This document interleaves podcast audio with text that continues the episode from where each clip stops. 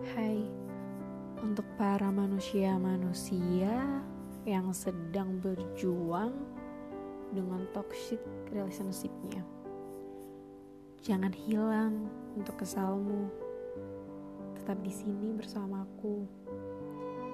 Tetap menetap walau perih. Karena pergimu luka untukku.